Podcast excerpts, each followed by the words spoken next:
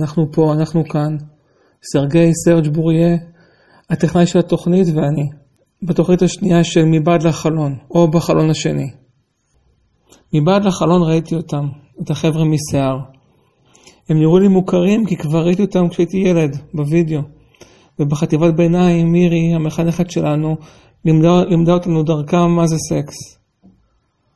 אבל כשהייתי בתיכון הבנתי באמת מה אני רואה. גם אתם רציתם להיות בשיער? גם אתם קינאתם בדמויות שם, בחופש שלהם? אני זוכר שהרגשתי שאוקיינוס מפריד בינינו. אוקיינוס של הפחדים שלי. הם היו רחוקים כל כך, לא מסתפרים, בלי חולצה, בלי לדפוק חשבון, ואני פה, מביים את עצמי, מעביר עוד שבוע בלהיות בן אדם מצוין, שאין עליו תלונות, שאין לו אוויר. בפעם הראשונה שנתנו לי לשדר ברדיו של התיכון, שמתי קודם כל אותו, את השיר הזה, על האוויר. רציתי לקפוץ אליו, להיות שם איתם, לנשום את האוויר שהם נשמו. לפחות לדקה וחצי.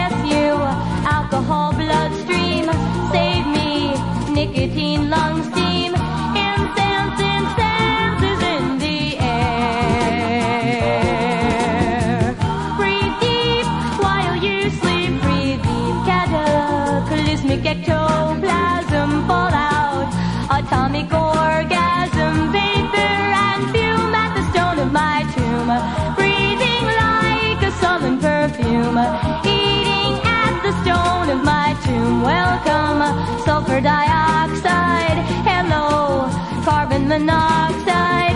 The air, the air is everywhere. Breathe deep while you sleep. Breathe deep, deep, deep, deep.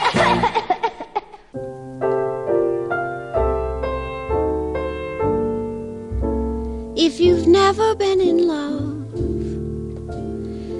and you're longing happiness it brings, try your wings. If you're hungry for the sound of a lover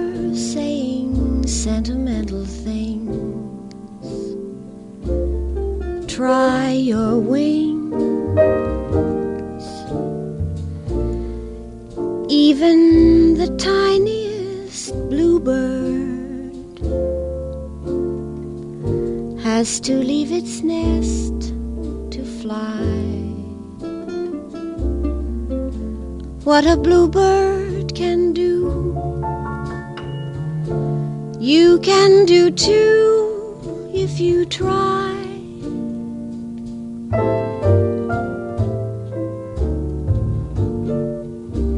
If you've always had a dream, but you've been afraid that it would not come true. Hitherto,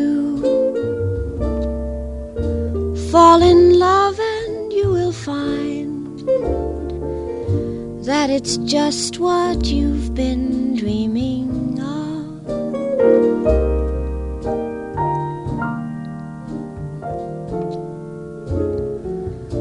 A first love never comes twice. So take this tender advice. When it comes, try your wings and fly to the one you love.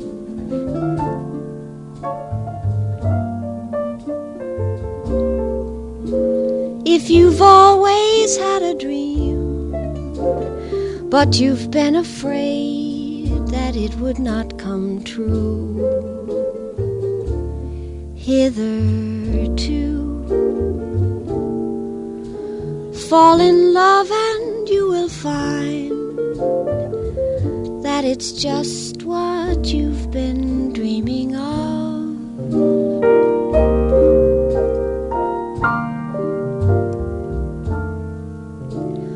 A first love never comes twice.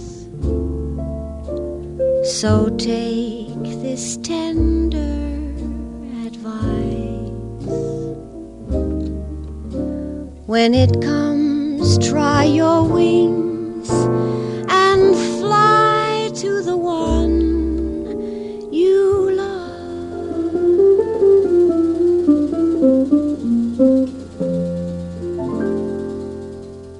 שמעתי את השיר הזה בסרט החיים בלעדיי.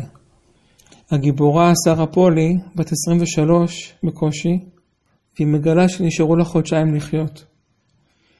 היה לה גבר אחד כל החיים והיא אוהבת אותו ויש להם שתי בנות, אבל היא רוצה לגלות איך זה, איך זה יהיה לעשות את זה עם מישהו אחר. היא רוצה לגרום למישהו להתאהב בה, והיא מצליחה, הוא מאוהב בה, וזה מרק רופלו, אז זה ממש הצלחה. הוא שם לה שירים מיוחדים שאחותו שולחת לו, כמו השיר הזה שבלוסום דירי שרה. הוא מספר לה, לזמרת, הוא אומר לה, "היא- את לא תאמיני, אבל היא, היא היום בת 83 והיא עדיין שרה. קול כזה קטן וגוף כזה קטן, אבל איזו אישיות. שרה עדיין מאחורי איזשהו סלון יופי יפני. ובלוסום דירי מזמינה אותה לנסות את הכנפיים שלה בפעם הראשונה. לנפנף בהם. בפעם הראשונה שהם אוהבים הכוונה. והיא רוצה. והזמרת אומרת שאם, והזמרת אומרת שאם אתם אוהבים תנפנפו. אתם חייבים לנפנף. חייבים לנסות. אז היא מתמסרת לזה. ומתאהבת. גוססת ומתאהבת ומנפנפת. מה איתכם? מנפנפים? אחרי סקס עם מישהי שנוגעת לי בלב אני תמיד שואל, נפנפת? נפנפת יותר מפעם אחת? חלק מהאנשים מנפנפים כל כך חזק שהם מתחתנים. לאן הם עפים משם? לאן נשאר לעוף? ואתם יודעים למה אני שואל. ראינו לא מעט מהם מתרסקים. אנשים שהגיעו מחתונות טובות, מאוד טובות, התרסקו, ואנחנו לא האמנו. אולי בגלל זה ריק מעדיף להישאר בשחור לבן בקזבלנקה, ושאלזה תעלה למטוס עם הוויקטור הזה. אולי בגלל זה יוליה מעדיפה את הרעל. היום שאחרי קטלני יותר. כי אין לאן לעוף. אבל זוכרים את הסיפור האחרון מהסרט סיפורים פרועים? עם החתן והכלה שמגלה במסיבה שהוא, שהוא בגד בה? איך החתונה שלהם מתחילה? כמו כל החתונות שהיינו בהן. אלה עם התחפושות, האיפור והשיער והבגדים, עם התקוות הלא ריאליות. הם רבים, משתלחים אחד בשנייה, לא כמו כשמתחתנים, כמו שמתגרשים. העוגה נמחת, והם גומרים גמורים, פצועים, עם צלקות. רק שעכשיו זה כבר נראה כמו קשר אמיתי. אמיתי אמיתי. ומתחילים לרקוד את השיר הזה, שאיתו גם הסרט נגמר. הם בסדר עכשיו. הם יהיו בסדר. אולי אפילו הם יקימו בית שיעמוד. משפחה מתפקדת. ומשם, אולי אפשר אפילו לעוף לירח. Fly,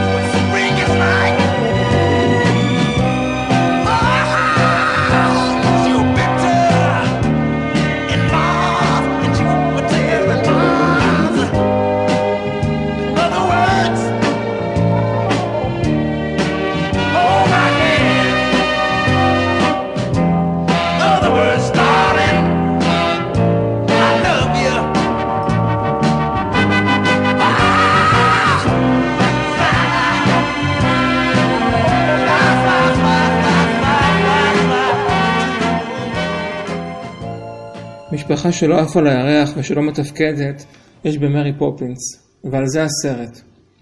שני ההורים עסוקים בעצמם ובהתנצחויות ביניהם, אף אחד לא רואה את הילדים. בגלל זה הסרט מלא במקומות שכדאי לברוח עליהם, כמו הציור של ברט, כמו התקרה של הדוד אלברט הצוחק, כמו אצל האדמירל בום, שבטוח שהוא עוד מפקד על אונייה מגג ביתו, כמו מנקי ערובות, שרואים את המראות הכי יפים בעבודה שלהם בשמי לונדון, וכמו הציפורים שהאישה הזקנה מאכילה ליד הקתדרלה שמול הבנק. ג'יין ומייקל הולכים מחר בפעם הראשונה עם אבא שלהם לשם, לעבודה שלו בבנק. ולפני שהם הולכים לישון, מרי פופינס מרגישה שהיא צריכה לשמור עליהם מפני משהו. מפני מה? מפני סרט המשך, סרג' אומר, וטועה. ובעצם לא, הוא לא טועה. סרג', אתה לא טועה. כי אולי היא רוצה להגן עליהם מפני העולם, שמטבעו הוא ארצי, מלוכלך. אולי חשוב לה לשמור על הנשמה, שתישאר נקייה. שאם נאכיל אותה, נרקיע לה שחקים, גבוה יותר מהקתדרלה שבנינו, כמו ציפורים. Early each day to the steps of St.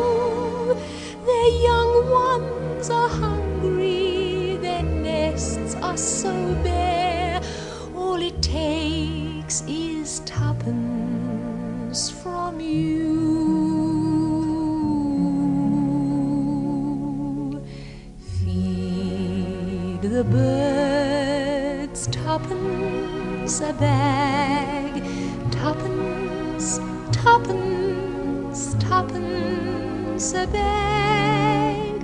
Feed the birds, that's what she cries, while overhead her birds fill the skies.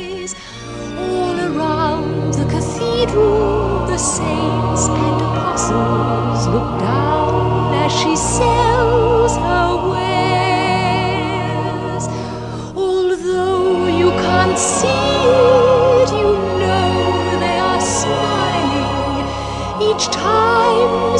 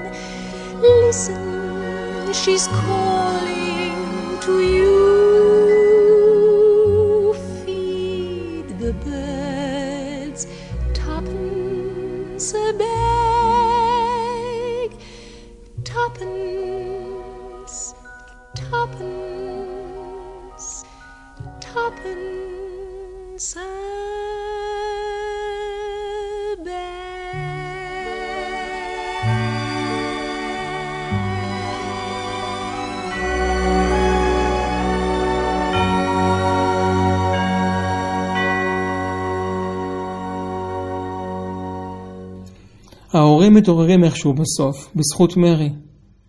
והילדים לא צריכים יותר לברוח לשום מקום. הטוב והמופלא שהם ראו במקומות הבריחה, יהיו להם עכשיו גם בבית. לכן השיר האחרון בסרט הזה הוא על עפיפון. למורה היקר שלי, אברהם הפנר, היה משל כזה, משל העפיפון.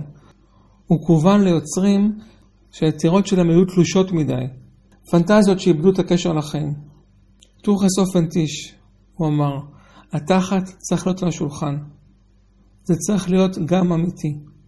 וכדי שהעפיפון יעוף כמו שצריך, מישהו צריך להחזיק אותו למטה. וככה ג'ורג' בנקס, שכמו נולד מחדש, שהנשמה שלו חזרה להיות נקייה, מציע לבן שלו בסוף להעיף ביחד עפיפון. With tuppence for paper and strings, you can have your own set of wings. With your feet on the ground, you're a bird in flight. With your fist holding tight to the string of your kite. Oh, let's go fly a kite up to the highest height. Let's go fly a kite and send it soaring up through atmosphere, up where the air is clear. Oh, let's go fly a kite. when you send it flying up there. All at once you're lighter than air. You can dance on the breeze over houses and trees with your fist holding tight to the string of your kite. Oh,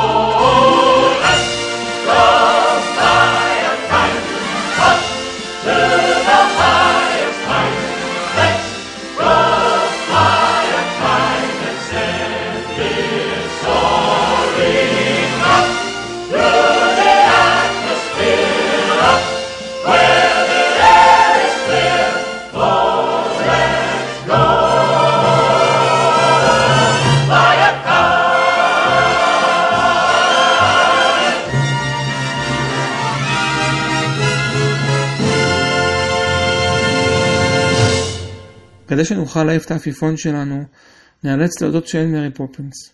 היא לא מגיעה עם שום מטריה. אבל מכירים את חברה שלי מבוסטון, אלי מקביל? זוכרים אותה? איך כשהתחילה העולם רעד, עולם הטלוויזיה הכוונה, עולם הפנאי והבידור והבריחה. הייתה אפילו תוכנית עם דנה מודן, שהיו משדרים אחריה, שבה היא ניתחה את הנושאים שעלו קודם, בפרק של אלי. זוכרים את כל זה? התהילה עברה אבל, בעודה בחיים. העונה האחרונה של הסדרה שודרה בעיקר לאנשים שלא הצליחו להירדם מאיזושהי סיבה. אני הייתי ער, אני נשארתי, ודווקא בעונה האחרונה הזאת שודר אחד הפרקים הכי יפים בעיניי. היה שם איש שגסס מסרטן, שלבש כנפיים, שהתעקש לקפוץ מהגג של אחד הבניינים ולעוף מעבר לנהר, אל הגדה השנייה. הבניין תובע אותו, הם לא מוכנים לתת לו את זה כי הוא ימות הרי, אבל יש לו את עלי, היא עורכת הדין שלו. ופעם כשהם מדברים, היא שואלת למה כל כך מתעקש לעוף? למה מהבניין הזה? מה העניין? אז הוא מספר לה ששם המשפחה שלו גרה. שם הוא גדל. בבית שבור. וכל פעם כשאימא ואבא שלו היו רבים וצועקים אחד על השני את הדברים הכי איומים, כשדברים היו נשברים, הוא היה יושב בחדר שלו ומביט בחלון על הנהר, וחולם לעוף משם ולעבור את הנהר. עלי מנצח את המשפט והיום הגדול מגיע. הוא קופץ ומנפנף בכנפיים הגדולות שהוא בנה כל חייו, והן מחזיקות אותו באוויר. הנה מגיע הנהר ההוא, הוא מנפנף חזק חזק, הנה, הנה הוא מעל הנהר. הנה זה קורה, הוא עובר אותו. הוא נוחת בגדה השנייה, אחותו מחכה לו שם. אחותו לבית השבור. היא מחבקת אותו חזק, גם עלי. השמחה גדולה, החלום מתגשם. אבל המאמץ היה כל כך גדול בשבילו שהוא נופל שם במקום ומת.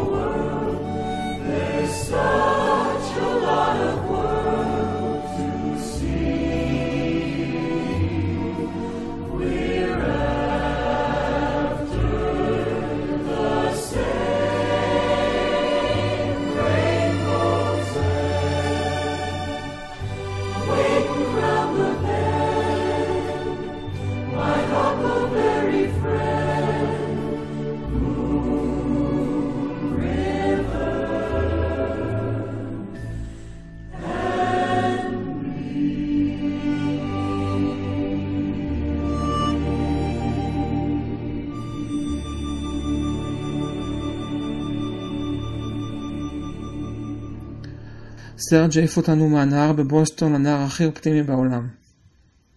כשמביטים אליו למטה, אולי בשביל לקפוץ, רואים את הירח. אודרי הבורן שרה לנו אותו. הנרי מנציני שחיבר את המנגינה אמר שמכל המבצעים היא עושה אותו הכי יפה. היא שיחקה שם בארוחת בוקר בטיפני. עד היום הפתיחה של הסרט הזה הורסת אותי. לפנות בוקר, הרחובות של ניו יורק ריקים. מונית עוצרת ואישה נורא יפה יוצאת ממנה. בלתי מושגת. למה יצרה דווקא שם? ליד חנות התכשיטים, עם כוס קפה וקרואסון. כי היא חופשייה. חופשייה לעשות מה שבא לה, כל דבר טיפשי. כמו להגשים את שם הסרט ולאכול ארוחת בוקר בטיפני. טרומן קפוטה שכתב את הרומן שלפיו עשו את הסרט, אמר שהוא שמע פעם איזו אישה מחוץ לניו יורק מספרת בהתרגשות שהיא הולכת לבקר בפעם הראשונה בעיר. היא לא הבינה כל כך את ניו יורק ואיך היא עובדת, אז כששאלו אותה מה הדבר הראשון שתעשי כשתגיעי, היא ענתה ארוחת בוקר בטיפני. הולי גולייטלי קוראים לדמות של אודרי הבורן. היא זונה של החברה הגבוהה של ניו יורק, שלא נקשרת לאף אחד, שמסתירה סוד, וכמו שם המשפחה השקרי שלה, באמת היא מתהלכת בקלילות. בעצם היא עפה, היא ציפור. ולא בסרט אני חושב, אבל בספר, הגבר שהכי אכפת לו ממנה, החבר הקרוב שלה, אומר לה שאולי היא חופשייה כמו ציפור, אבל היא גם בודדה כמוה. להיות למעלה באוויר ככה, חופשייה כל כך, זאת בדידות. Hi, Jason. My name is Kevin Rennick, and I've written a song called Up in the Air. I wanted you to hear it. And it goes like this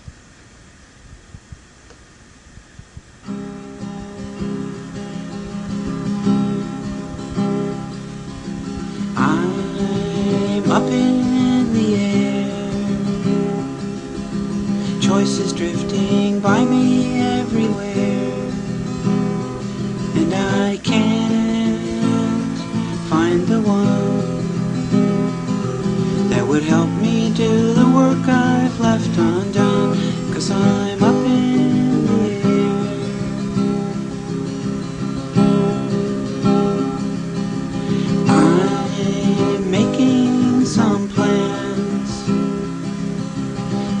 out there's always new demands and I can't be precise when people ask me what I'm doing with my life. I say it's up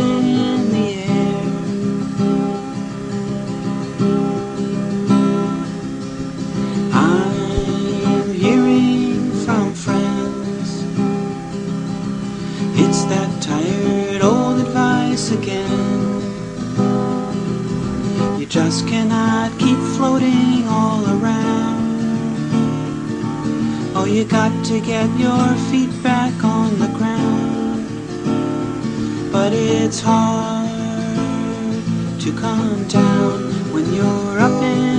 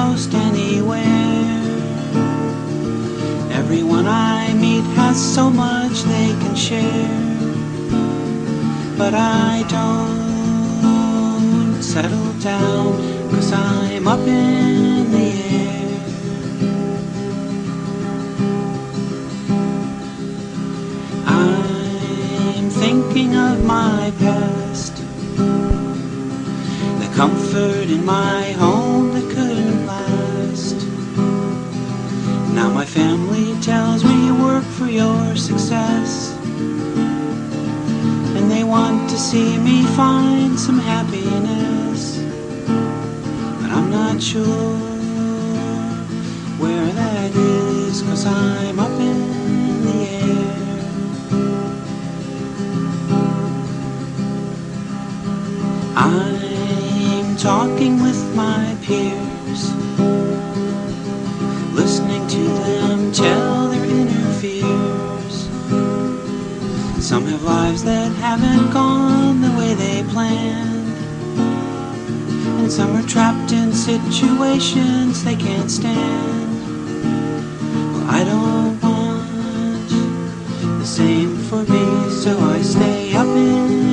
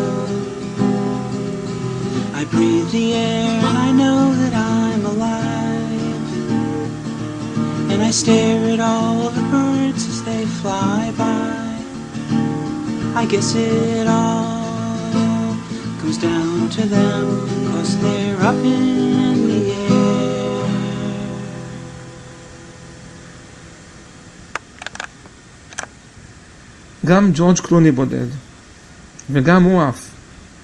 באמת עף, כשהוא משחק בתלוי באוויר. הוא דייל שהפך את המקצוע שלו לאומנות. השיר ששמענו הוא כמו כרטיס הביקור הנפשי שלו, שאותו יכולנו לקרוא ולהכניס לכיס רק בסוף הסרט. למה הוא כזה? למה הולי גולייטלי כזו? איך אתם מרגישים כשאתם רואים אותם? גם אתם לא מסתדרים עם העולם למטה? עם מה שיש לו להציע לכם? עם התוכניות שלא הסתדרו? עם הפחדים, האכזבות? גם אתם באוויר? ברגע מסוים ג'ורג' קלוני מוזמן לחתונה. לא צריך להביא כלום, אבל דווקא ממנו כן מבקשים להביא משהו. נתנו לו מתישהו קודם קרטון של הזוג המתחתן והמתחבק, והוא היה צריך לצלם את הקרטון הזה על רקע המקומות שהוא נוסע אליהם. אין להם כסף לנסוע עד לשם, ורק הוא יכול לתת להם מתנה כזו. כאילו הסביבה שלו, המשפחה של ג'ורג' קלוני שדואגת לו, צריכה אותו גם כשהוא ככה, באוויר כל הזמן, איננו. הם רוצים להגיד לו כל כך הרבה באותם רגעים, אבל לא צריך. יש את השיר. I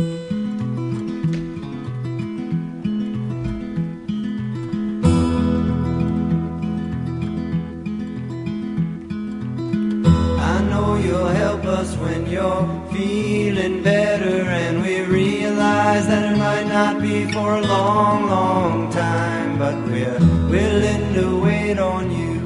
We believe in everything that you can do if you could only lay down your mind. I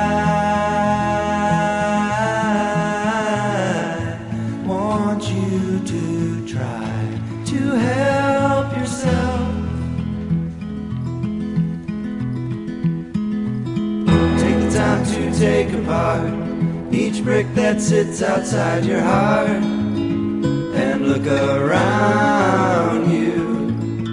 There's people everywhere. No, they don't always show it, they're just as scared, and we'd be more prepared if you just pulled on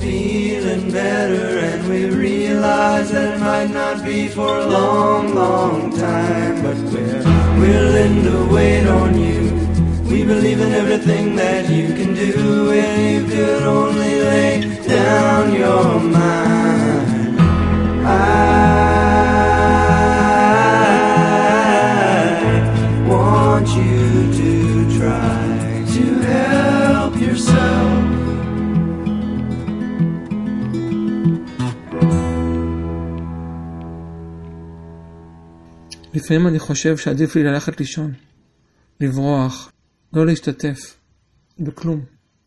לפרוש מהכל לאיזה תא משלי. לפעמים עדיף לי להיעלם. יש על זה הרבה ביקורת, על הדבר הזה. כאילו שזה כמו להודות בתבוסה או משהו כזה. כאילו שזה לא להיות חלק מהחיים. אבל זה כן חלק מהחיים. זה קורה כשאני בחיים. ולאותם רגעים אני שוב מוגן. לא לתמיד, לכמה זמן. וזה לא בא ברגל, אתם יודעים. ראיתם איך נגמר וולדו פפר הגדול עם רוברט רדפורד? זה סרט של ג'ורג' רוי היל. כל סרט שלו שווה. מקווה שראיתם את כולם. לא, לא פעם הגיבורים שלו מפסידים לחיים בסוף הסרט. אבל אצלו, גם כשהגיבורים שלו נהרגים, הם לא מתים. כאילו, כאילו הוא לא מראה את זה. אנחנו יודעים שזה הסוף שלהם, אבל בגלל שאנחנו לא רואים אותם נגמרים, זה עושה איזה משהו. הם כאילו בכל זאת איכשהו ממשיכים להישאר. להיות קיימים בעיניים שלנו, במחשבה, בהרגשה. וולדו פפר הגדול באמת גדול. הוא טייס נועז בתקופה שהתעופה רק התחילה פחות או יותר. הוא חי באומץ, כל הזמן משנה את גבולות הטיסה, פורץ אותם. אבל הזמנים הארורים משתנים. אנשים רוצים כבר לעשות מזה כסף. להרים למעלה אוטובוסים עם כנפיים, מלאים באנשים, ואסור שהם ירגשו לא בטוחים. אז וולדו נדחק הצידה מהעניינים. הוא האויב של כל זה. לקראת הסוף הוא מתגלגל להוליווד, וכשהוא אמור לבצע פעלול מסוכן לאיזשהו סרט, והמטוס שלו נפצע, הוא מסתכל למטה. אין למה לרדת. הוא מסתכל למעלה ועולה מעל העננים, לאיפה שאנשים כמוהו שייכים. לאיפה שצריך להסתכל כדי שאולי יהיה לנו סיכוי, ונראה אותו, ונגיד לנכדים שלנו על הפעם ההיא שהסתכלנו גבוה גבוה, ולרגע היה נדמה לנו. שראינו אותו, את וולדו פפר הגדול.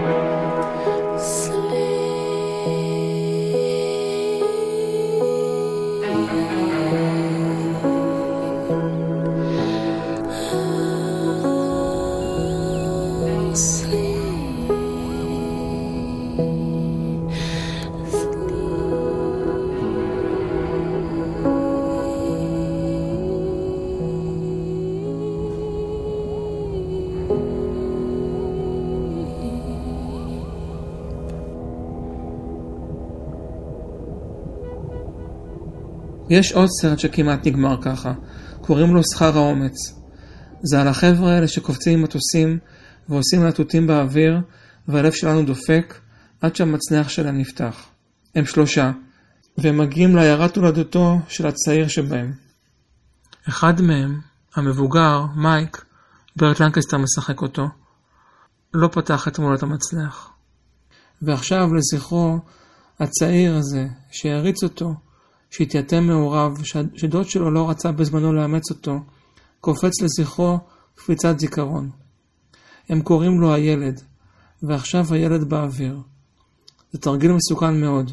הוא גורם לקופץ לחשוב שהוא מסוגל, מסוגל לא לרדת ולהישאר באוויר. הילד לא פותח את המצנח ותכף יהיה מאוחר מדי. תמשוך! ג'ין הקמן צועק לו מלמטה. גם הוא עשה פעם את הקפיצה הזאת, והוא פוחד ממנה. תמשוך! הוא צועק לו עוד פעם. אבל הילד חושב עכשיו על מייק, שבחר אתמול לא לפתוח את המצנח.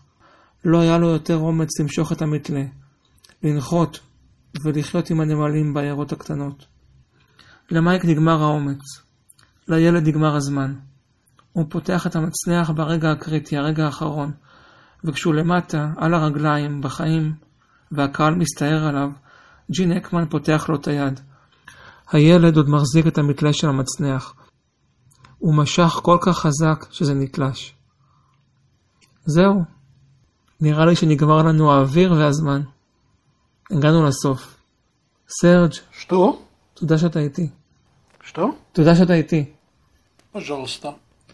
חשבתי שהכי מתאים יהיה לגמור את התוכנית עם שיר שיהיה רק פה, כמו פסקול לשכר האומץ, שכמוהו ינסה להוריד אותנו חזרה למטה. מה זה ינסה? שיירק דם בשבילנו, שיילחם. זה השיר האחרון באלבום 1965 של Afghan Whigs, הלהקה של גרג דולי. אחר כך הם התפרקו, להרבה שנים, ואף אחד לא חשב שהם יחזרו. עכשיו, אני לא אוהב הופעות, אבל ההופעה שלהם בארץ, כשהם התאחדו, הלכתי. רק כדי לראות באמת שיש כזה בן אדם, שהוא קיים, גרג דולי. אני זוכר בצבא את הביקורת מהעיתון במחנה, על אלבום אחר שלהם, אהבה שחורה. היא נגמרה בזה שהמבקר היה מאוד מודאג לגבי המצב של גרג דולי, אחרי שהבין שהאיש מדמם. הוא פחד שהוא לא ישרוד.